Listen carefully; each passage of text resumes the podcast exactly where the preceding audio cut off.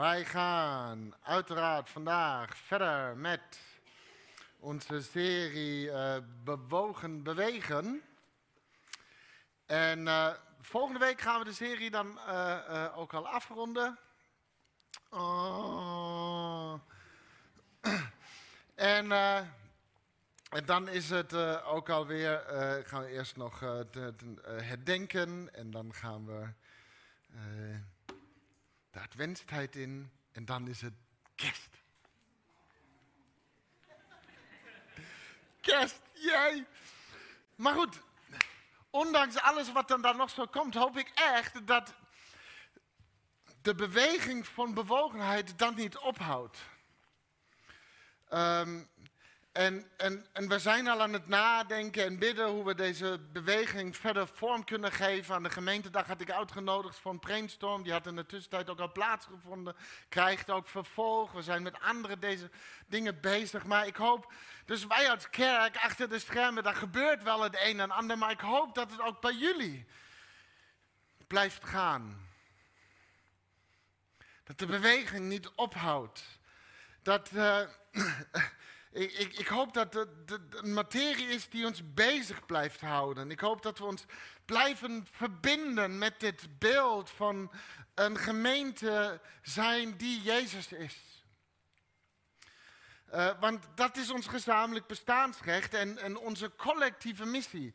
Als gemeente willen wij als Jezus zijn. We zullen nooit iets anders of beters te doen hebben dan dat. En elke gemeente die het wel heeft geprobeerd om iets anders of beters te doen heeft dan dat, is er niet meer. Door de eeuwen heen is dat het beeld. Een gemeente die zich niet meer bezighoudt met Jezus zijn, verdwijnt. Want het bestaansrecht is er niet meer. En daar komen ze dan op korte of lange termijn wel achter en dan houdt het op. We hebben niets beters te doen dan dat. Dus we willen mensen ontmoeten, behandelen en liefhebben zoals Jezus dat deed, vervuld met de geest, om het werk van Jezus voor te zetten. En in deze serie kijken we dus naar de verschillende ontmoetingen die Jezus heeft gehad.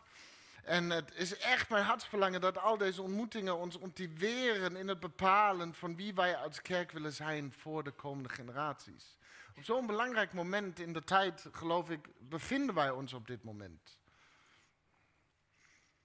De kerk gaat inderdaad dus door een metamorfose van rups naar vlinder. Worden wie we zijn. Nieuwe schepping zijn in Christus.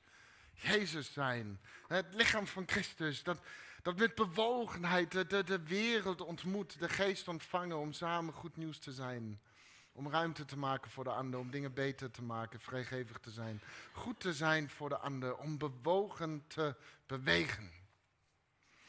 En vandaag dan dus een ontmoeting die een fenomenaal wonder tot gevolg had. En blijkbaar vonden de evangelieschrijvers dit zo'n belangrijk moment dat er in alle vier de evangeliën over wordt gesproken. En om even duidelijk te maken hoe bijzonder dat is, het is het enige wonder naast de opstanding van Jezus uit de dood dat in alle vier de evangeliën wordt besproken. En ik hoop en bid dat het ons op bijzondere manier tot zegen mag zijn. Want het is voor velen van ons eigenlijk een niet meer zo bijzonder verhaal. We kennen het. Even wat context van het verhaal. De, de twaalf discipelen keerden net terug van een zendingsreis waar Jezus hen op had gestuurd. En nadat ze hem vertelden wat ze allemaal zo hadden gedaan, wilden ze nu even met Jezus met z'n allen ergens heen om uit te rusten. Maar, maar toen werden ze onderbroken. zo gaat dat. En dan lezen we het volgende. In, ik lees het voor uit Marcus, want hij vertelt het uitgebreidste over. Maar in andere evangeliën zien we weer andere details. Die komen misschien tussendoor nog langs. En sommige dingen niet. Maar ik lees het uit Marcus, het verhaal. Marcus 6, vanaf vers 30. En de apostelen kwamen weer terug bij Jezus en vertelden hem over alles wat ze gedaan hadden en wat ze de mensen onderwezen hadden. En hij zei tegen hen, ga nu mee naar een eenzame plaats om alleen te zijn en een tijdje uit te rusten. Want het was een voortdurend komen en gaan van mensen, zodat ze zelf, zelfs niet de kans kregen om te eten. Ze voeren met de boot naar een afgelegen plaats om daar alleen te kunnen zijn. Maar hun vertrek werd opgemerkt en velen herkenden hen. Uit alle steden haasten de mensen, dat is trouwens een mooi detail al in dit verhaal van Marcus. Velen herkenden hen. Niet hem, maar hen. Hoe herkenbaar ben jij? Als Jezus zijnde. Velen herkenden hen. En uit alle steden haasten de mensen zich over land naar die plaats. En ze kwamen er nog eerder aan dan Jezus en de apostelen. En toen hij uit de boot stapte, zag hij een grote menigte en voelde medelijden met hen. Want ze waren als schapen zonder herder en hij onderwees hen langdurig. Toen er al veel tijd was verstreken, kwamen zijn leerlingen naar hem toe en zeiden: Dit is een afgelegen plaats en het is al laat, stuur hen weg. Dan kunnen ze naar de dorpen en gehuchten in de omtrek gaan om eten voor zichzelf te kopen. Maar hij zei, geef jullie hun maar te eten. En ze vroegen hem, moeten wij dan voor 200 denari brood gaan kopen om hun te eten te geven? Ben je gek geworden, Jezus? En toen zei hij, hoeveel broden hebben jullie bij je? Ga eens kijken. En ze gingen kijken en zeiden, vijf en twee vissen. En ze, hij zei tegen hen dat ze de mensen opdracht moesten geven om in groepen in het groene gras te gaan zitten. Ze gingen zitten in groepen van 100 en in groepen van 50. En hij nam de vijf broden en de twee vissen, keek omhoog naar de hemel, sprak het zegengebed uit, brak de broden en gaf ze aan zijn leerlingen om ze aan de menigte uit te delen. Ook de twee vissen verdeelde hij onder allen die er waren. En iedereen at en werd verzadigd. Ze haalden de overgebleven stukken brood op, waar wel twaalf mannen mee konden worden gevuld. En ook was er over van de vissen. Vijfduizend mensen hadden van de broden gegeten. Maar 2000 van hen lusten geen vis. Nou, dat staat er dan niet, nee.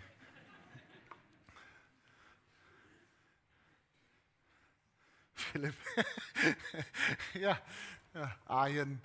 Ja, ik ken een paar die geen vis lusten. Het is jullie vergeven. Ah, goed. Maar wie ontmoette Jezus? Nou, in de eerdere preek hebben we het gehad over een ontmoeting met één persoon. Uh, maar in dit geval is het een uitgehongerde menigte. Een massa mensen, niet één, maar een massa mensen. En het wonder dat zich voltrok is dus de, de bekende spijziging van de 5000. En vier evangeliën spreken over, want allemaal begrepen ze wat dit verhaal duidelijk maakt. En we kennen het verhaal Jezus en zijn discipelen willen even chillen, maar mensen kregen mee dat ze in de buurt waren en zochten hen op. Dus Jezus onderwijst en Jezus geneest.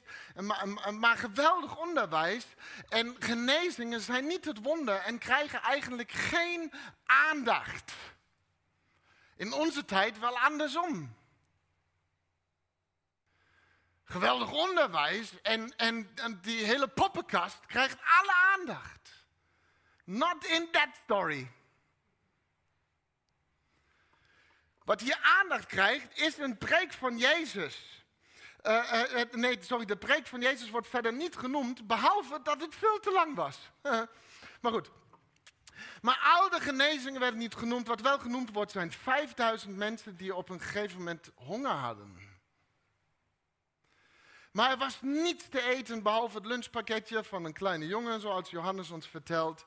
En, en, en Jezus neemt het, vermenigvuldigde het. En iedereen had genoten, had en genoeg te eten. Niet alleen maar happy, maar iedereen was verzadigd. Mooi verhaal, lekker kort.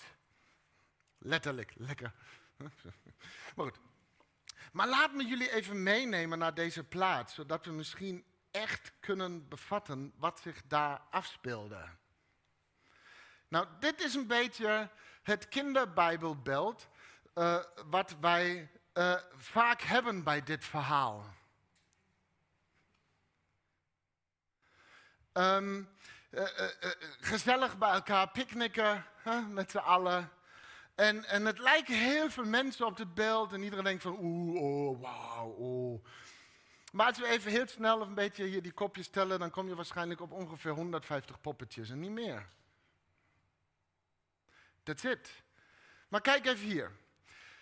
Dit zijn 500 mensen. Dit zijn 500 mensen. Oké? Dit zijn er duizend mensen. En, en dit zijn er 3000 mensen. Let even op op die balkons nog, die twee die daar hangen. 3000 mensen. En dit zijn er nog steeds te weinig. Het zijn wel heel veel, maar het zijn nog steeds te weinig, want de Bijbel spreekt over 5000 mensen.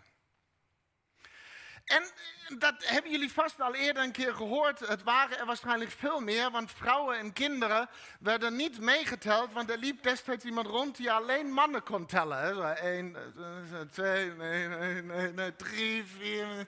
Ja, heel rare keren was dat. Maar theologen en allerlei andere slimme mensen gaan ervan uit dat er waarschijnlijk tussen de 10 en 20.000 mensen waren. Dit zijn 10.000. En dit zijn er 20.000 mensen. En ergens daar op dat tennisveld staat Jezus en zijn twaalf discipelen met vijf broden en twee vissen. Dit zijn 20.000 mensen. We hebben gelezen uit alle steden haasten de mensen zich over land naar die plaats. En ze kwamen er nog eerder aan dan Jezus en de apostelen. Van overal kwamen ze dus. En de discipelen gingen zeker niet uh, eh, 10 tot 20.000 redenen tot dankbaarheid zingen. Dit, dit was een enorm gebeuren. Dit was een enorm gebeuren. Dit is dus het beeld wat we erbij moeten hebben. 20.000 mensen, 10 tot 20. Het was een massale verzameling van mensen. Het was druk en overal waar ze keken, mensen. Dus, en zo hebben we gelezen, toen Jezus uit de boot stapte, zag hij een grote menigte. En voelde medelijden bewogenheid met hen. Want ze waren als schapen zonder herder. En hij onderwees hen langdurig. En, en plotseling hadden 20.000 mensen honger, want Jezus preekte gewoon te lang. Dat uh, wordt zo'n detail waar we even overheen lezen soms. Dus 20.000 mensen hadden opeens trek. Het was een mega uitdaging, een, een gigantisch probleem. Dit was een enorme happening. Geen gezellig picknick. Een enorm project. Het was letterlijk een massale nood.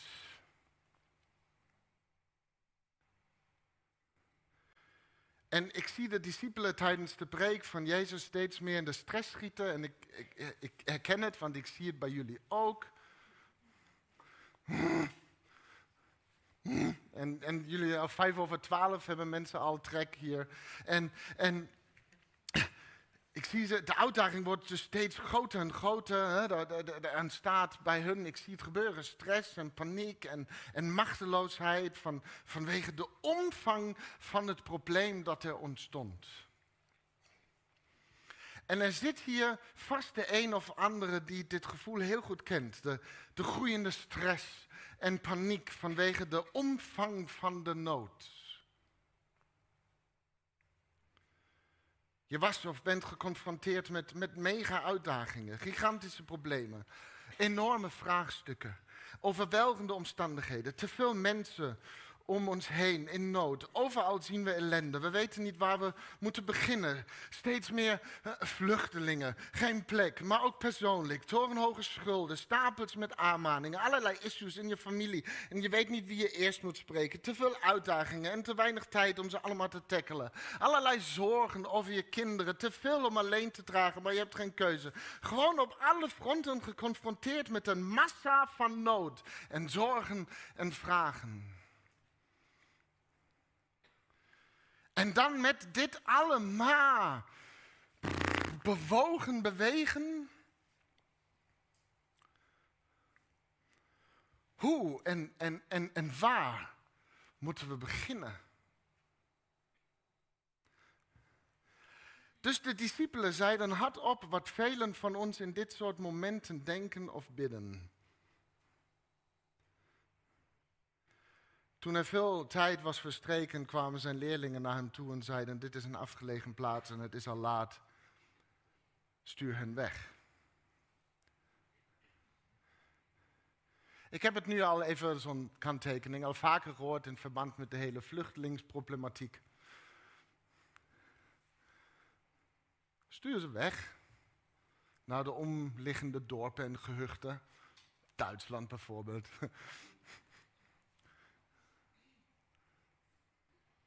Maar misschien eh, in, in, in, geconfronteerd met massale nood ook zoiets ooit gebeden. Hè? In de naam van Jezus, weg ermee.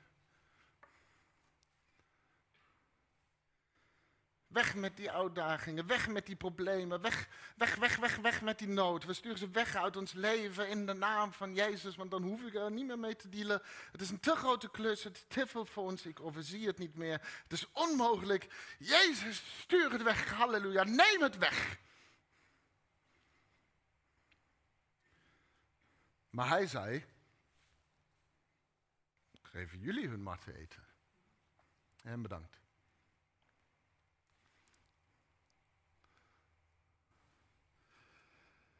Hoe reageer jij als je een onmogelijke taak krijgt? Weet je, gezond verstand en logica zeggen: stuur deze enorme menigte weg. Menigte weg. Er zijn hier duizenden mensen, we kunnen ze onmogelijk allemaal voeden. Zoveel geld hebben we niet.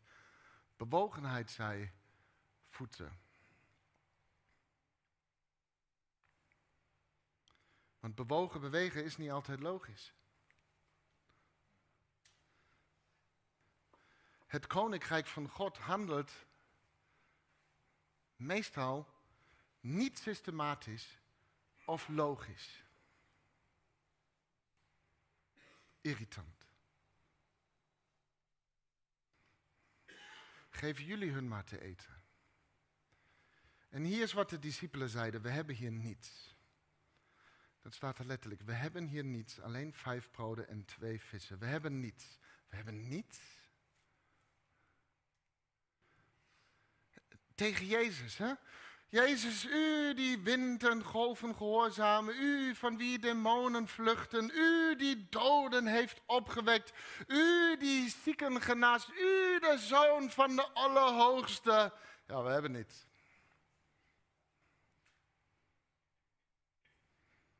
Niet echt waar?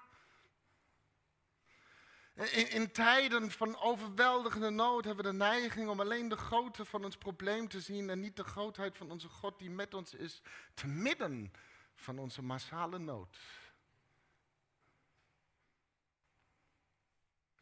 En dan gebeurt het wonder. Hè? Jezus vermenigvuldigde het weinige wat ze hadden en duizenden mensen hadden genoeg en vier evangeliën spreken er dus over, want alle vier begrepen ze wat dit verhaal duidelijk maakt. Want hier wordt dus de waarheid over Jezus onthuld. Verborgen achter de sluier van zijn menselijkheid is de schepper, door wie en voor wie alles bestaat. En hij spreekt en het gebeurt. En deze God staat er, voelde medelijden met hen, want ze waren als schapen zonder herder. En op dat moment werd dus profetie zoals in Jesaja 40, vers 10. Zie hier, God de Heer, hij komt met kracht. Zijn arm zal heersen, zijn loon heeft hij bij zich, zijn beloning gaat voor hem uit als een herder. Wijdt hij zijn kudde, zijn arm brengt de lammeren bijeen. Dus, dus het voeden van deze massa mensen was niet alleen een, een onlogische daad van bewogenheid, maar het was ook een demonstratie van de aanwezigheid van Gods koninkrijk. Hoe onlogisch het dus soms ook lijkt, door, door bewogen te bewegen, krijgt Gods koninkrijk body. Lichaam. Aanwezigheid in deze wereld. En ik, ik kan me voorstellen dat, dat velen overweldigd zijn door misschien je eigen hulpvragen zelfs ook, maar de hulpvragen van deze wereld. De hulpvragen in je eigen leven en de hulpvragen in je omgeving. En ik snap het. De logica van de wereld zegt dat we dit nooit gebakken krijgen. Zoveel brood voor iedereen. Het is een te grote klus voor ons als kleine groep gelovigen in deze wereld. Weet je, het koninkrijk van God is nu al aanwezig en gaat dus op zijn manier te werk. Hoe onlogisch het ook lijkt, let op. Misschien denken we zoals uh, Philippus. Philippus was uh, het, het mannetje van de berekeningen. Ja? Hij zei, uh, dat staat er zelfs, 200 denari zou niet voldoende zijn om iedereen een klein stukje brood te geven. Dus hij ging een beetje rekenen en omgerekend ging het hier om ongeveer acht maanden loon om genoeg brood te kopen voor iedereen. Nou, en, en wie doet het niet? Hè? Uh, Philippus gaat meteen aan de enorme kosten denken van dit project.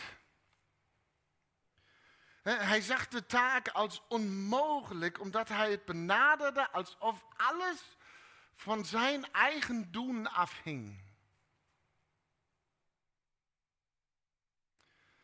En zoveel had hij niet. Maar, Jezus vraagt uiteindelijk: hoeveel broden hebben jullie bij je? waar wij geneigd zijn om te denken in enorm, enorme, niet haalbare begrotingen, vraagt Jezus: Nou, wat heb je wel? Wat heb je wel? En ik weet wat wij zouden zeggen. Ik, ik weet het, want ik hoor het jullie altijd zeggen. Ik weet wat we zouden zeggen. Ons antwoord is namelijk vaak een combinatie van optie en oordeel. Snap je wat ik bedoel? Ja?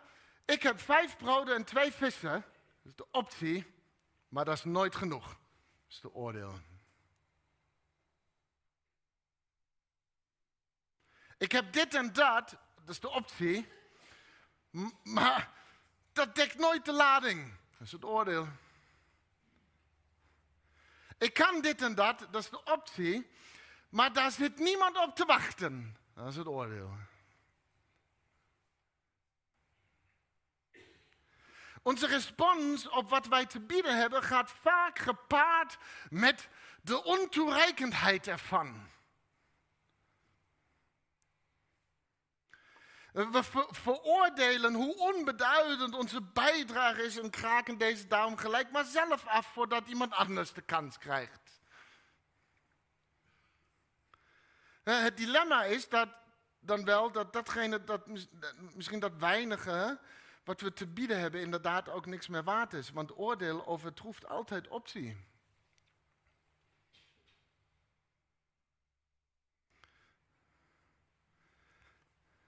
Maar Jezus, ik zie hem niet zeggen hier ergens, uh, jongens, uh, serieus, is dit alles? Is dit alles? Meer, meer heb je niet? Afgelopen week had je toch nog een jaarvergadering en een begroting met elkaar aangenomen. Dan had je dit toch kunnen bedenken van tevoren. Dit had je toch kunnen weten? Nee, dat zegt Jezus niet. Jezus neemt het weinige wat ze hadden en zegt, nou hier kan ik iets mee. Hm. Hier kan ik iets mee. Hij geloofde in wat ze te bieden hadden. Hij geloofde in hun optie. Niet in hun oordeel, maar in hun optie. Geloof je, jij dus, dat, dat het als het ware jouw vijf broden en twee vissen een verschil kunnen maken? Of veroordeel je ook je opties? Je mogelijkheden? Weet je, veroordeel nooit wat jij te bieden hebt terwijl Jezus er iets mee wil doen. Bewogen bewegen betekent geloven dat Jezus iets kan met wat je wel hebt, met jouw mogelijkheden. En het Koninkrijk van God werkt op een manier die ons helpt dat te zien. Wat heb je wel? Jezus stelde trouwens nog een andere interessante vraag. Uh, Jezus vroeg hen om in groepen van 50 en, en 100. Uh, oh, wacht even. Stond dat al? Heb jij doorgeklikt?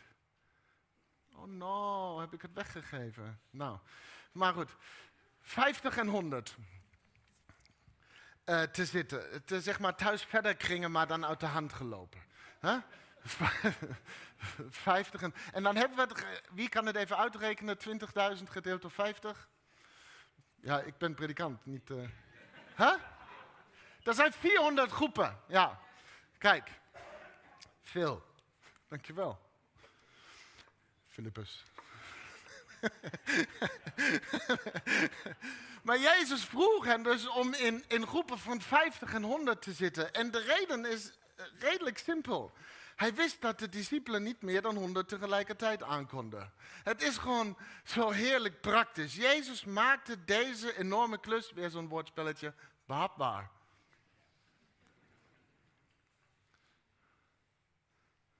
Dus in plaats van 20.000 mensen zien en overweldigd in paniek raken en je opties veroordelen, gaan ze nu groep voor groep af en delen eten uit.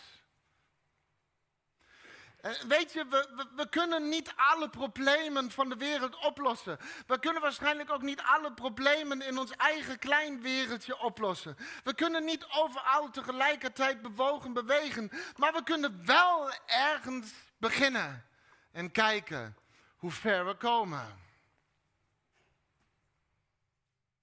En daar kun je dus om vragen.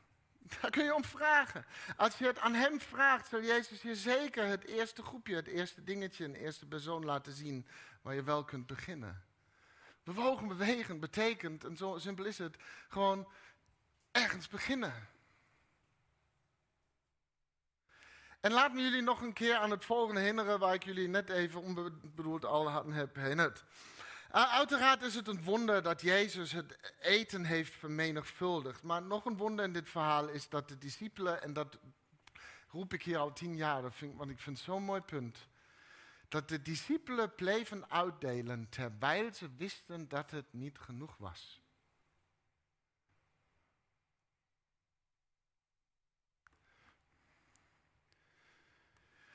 Ze bleven uitdelen terwijl ze wisten dat het niet genoeg was. En ik geloof dat ze dat deden omdat ze inmiddels helderheid hadden over wat ze te bieden hadden, omdat Jezus zei dat het genoeg was. Ze bleven zeker ook uitdelen omdat het behapbaarder werd, gewoon van groep naar groep en door. Maar nog meer geloof ik dat ze bleven uitdelen omdat ze datgene wat ze uitdeelden eerst aan Hem gaven. En hij nam de vijf broden en de twee vissen, keek omhoog naar de hemel, sprak het zegengebed uit, brak de broden en gaf ze aan zijn leerlingen om ze aan de menigte uit te delen. Ze gaven het eerst aan hem. En Jezus droeg het op en gaf het weer terug aan hen om uit te delen. En hier is wat dit is. Jezus bestemde het op dat moment als een resource van het koninkrijk van God. Met andere woorden, het is niet meer van hem. Het is niet meer van hen, sorry. Het is niet meer van hen. Het is nu van hem. En zij delen het uit voor hem. Het is van u en dat zal u de eer geven. Hier, Heer, hier, hier is mijn talent, mijn, mijn vaardigheid. Hier is mijn goed muziek kunnen maken, goed zijn met cijfers, goed zijn met techniek, goed kunnen klussen, goed kunnen luisteren, goed kunnen troosten of wat het dan ook is. Heer, het is niet veel, maar hier is het. Het is van u. En Heer, maak er een resource van het koninkrijk van God van.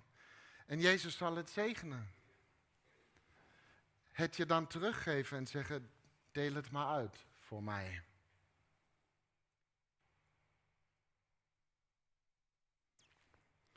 En weet je wat het mooiste nog van dit verhaal is soms?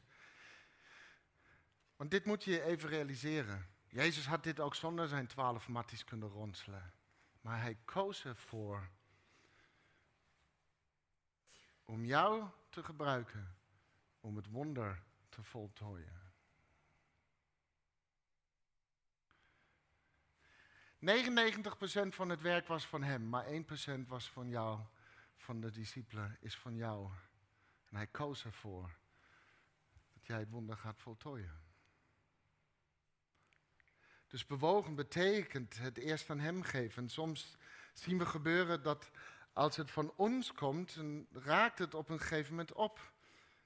Maar weet je wat we van hem terugkrijgen om uit te delen is niet meer van ons, maar een onuitputtelijke resource van het Koninkrijk van God. En dan kunnen we blijven uitdelen, terwijl we weten dat het niet genoeg is. Dus aan alle kanten wordt zichtbaar hoe het Koninkrijk van God te werk zal gaan, te midden van overweldigende massale nood die we overal om ons heen ontmoeten. Maar er is nog één ding in dit verhaal. Dat de manier van het koninkrijk lijkt te zijn die we misschien nog het lastigst zullen vinden. Nog het meest irritant. Helemaal aan het begin, hè, het verhaal begon hiermee, hebben we dit gelezen. De apostelen kwamen weer terug bij Jezus en vertelden hem over alles wat ze gedaan hadden en wat ze de mensen onderwezen hadden. Hij zei tegen hen, ga nu mee naar een eenzame plaats om alleen te zijn en een tijdje uit te rusten. Want het was een voortdurend komen en gaan van mensen, zodat ze zelfs niet de kans kregen om te eten. Dit, is wel goed. Niet dat zij trek hadden of zo, maar ik, zie het. Dus wat hier gebeurt, dit, dit, dit wonder van vermenigvuldiging, dit wonder van, van iedereen verzadigd, dit wonder kwam niet voort uit, een, uh, uit, uit overvloed. Het kwam niet voort uit rijkdom. Het kwam niet voort uit eerst zelf lekker in je vel zitten. Het kwam niet voort uit een goed gevulde spaarrekening. Het kwam niet voort uit een verstandige begroting. En het kwam helemaal niet voort uit logica, maar het kwam voort uit een nood. Het werd als het ware uit nood geboren. De, discipelen hadden niets gegeten, maar geven jullie hun maar te eten. En ze deden het. Dus uit hun eigen nood kwam de grootste zegen. Hun grootste individuele behoefte werd Gods voorziening voor velen. Irritant toch, dat, dat koninkrijk van God. Waarom kan het niet gewoon uit onze eigen kracht? Waarom niet eerst ik voorzien en dan de rest? Dat is helemaal niet logisch. Maar nu komt het mensen. Want zo heb je dit verhaal waarschijnlijk nog nooit gelezen. En ik ook niet. Ik moet eerlijk zeggen, Lara viel het op gisteravond. ja, dus ik stond ook verbaasd. We, we weten dat ze aan het eind nog twaalf mannen over hadden. En de interpretatie van dit getal is meestal iets met de twaalf stammen van Israël. Mooie symboliek en zeker waar. Maar volgens mij moeten we niet zo ver zoeken. Dus er staat, ze haalden de overgebleven stukken brood op... waar wel twaalf mannen mee konden worden gevuld. En ook wat er was van de vissen. En dit is zo prachtig. Want wie had er helemaal in het begin van dit verhaal honger? De discipelen. En hoeveel discipelen waren er? Twaalf. En hoeveel mannen hadden ze over? Check.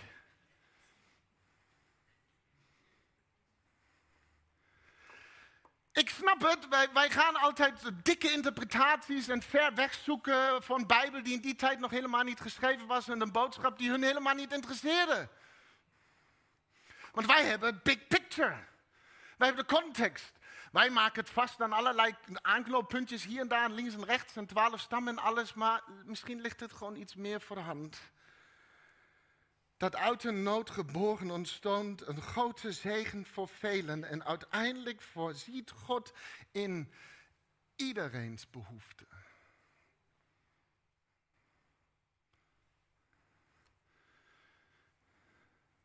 Aan het eind stonden de discipelen daar van, wat een klus. Helemaal vergeten dat ik trek heb. Oh, ik heb zo'n... Oh ja. Oh ja. Oh, oh ja. Oh.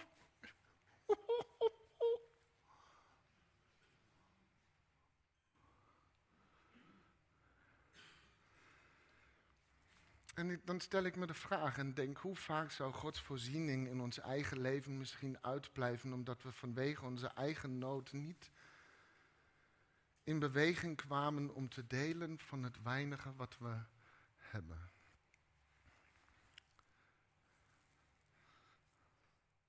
En ik weet het, het is niet logisch.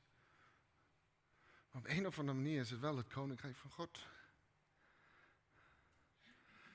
En dan schrijft Paulus in 2 Corinthians 12, versen 8 tot en met 10. Ik heb de Heer driemaal gesmeekt ervoor te zorgen dat hij bij me wegging. En met hij bedoelt hij niet de Heer, maar daarvoor gaat het over de doorn in zijn vlees. In dat vlees van Paulus. Dus Paulus zegt, stuur het maar weg in de naam van Jezus. Maar zijn antwoord was, je hebt genoeg aan mijn genade.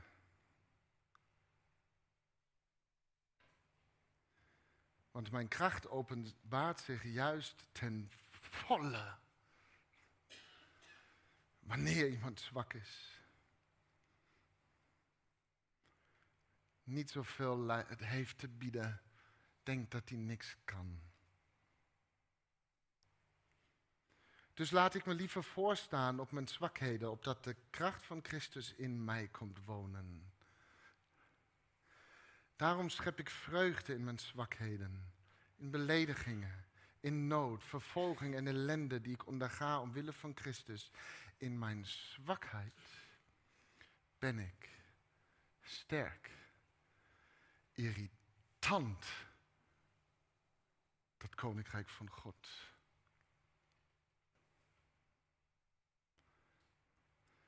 Maar het is wat het is. Bewogen bewegen wordt vaak uit nood geboren. En daar komen echt de beste ideeën vandaan. Jongens zullen we gewoon uit blijven delen. Ja, waarom niet? Kijken hoe het gaat. Goed plan. Oh, we zijn klaar. Iedereen heeft honger. Oh, iedereen heeft gegeten. Nou, mooi. Daar komen de gekste ideeën vandaan. Daar komt het geloof vandaan. Het is de plek waar we zo hopeloos zijn. Dat we weer creatief worden omdat de bekende maniertjes niet meer werken. Het is de plek waar we het weinige wat we nog hebben aan Hem geven. En het is de plek waar de kracht van Christus in mij komt wonen. Dus heb je God ooit gevraagd om, om je nood te zegenen, om tot zegen te zijn voor anderen? Je nood niet logisch. En weet je, misschien ga je overweldigd door dit leven, door de massale nood overal om je heen. Geen idee hoe je bewogen kan bewegen omdat het te veel is. Misschien weet je niet hoe en waar je moet beginnen. Misschien denk je dat het nooit genoeg zal zijn wat jij te bieden hebt. Misschien vind je dat het niet zal toevoegen.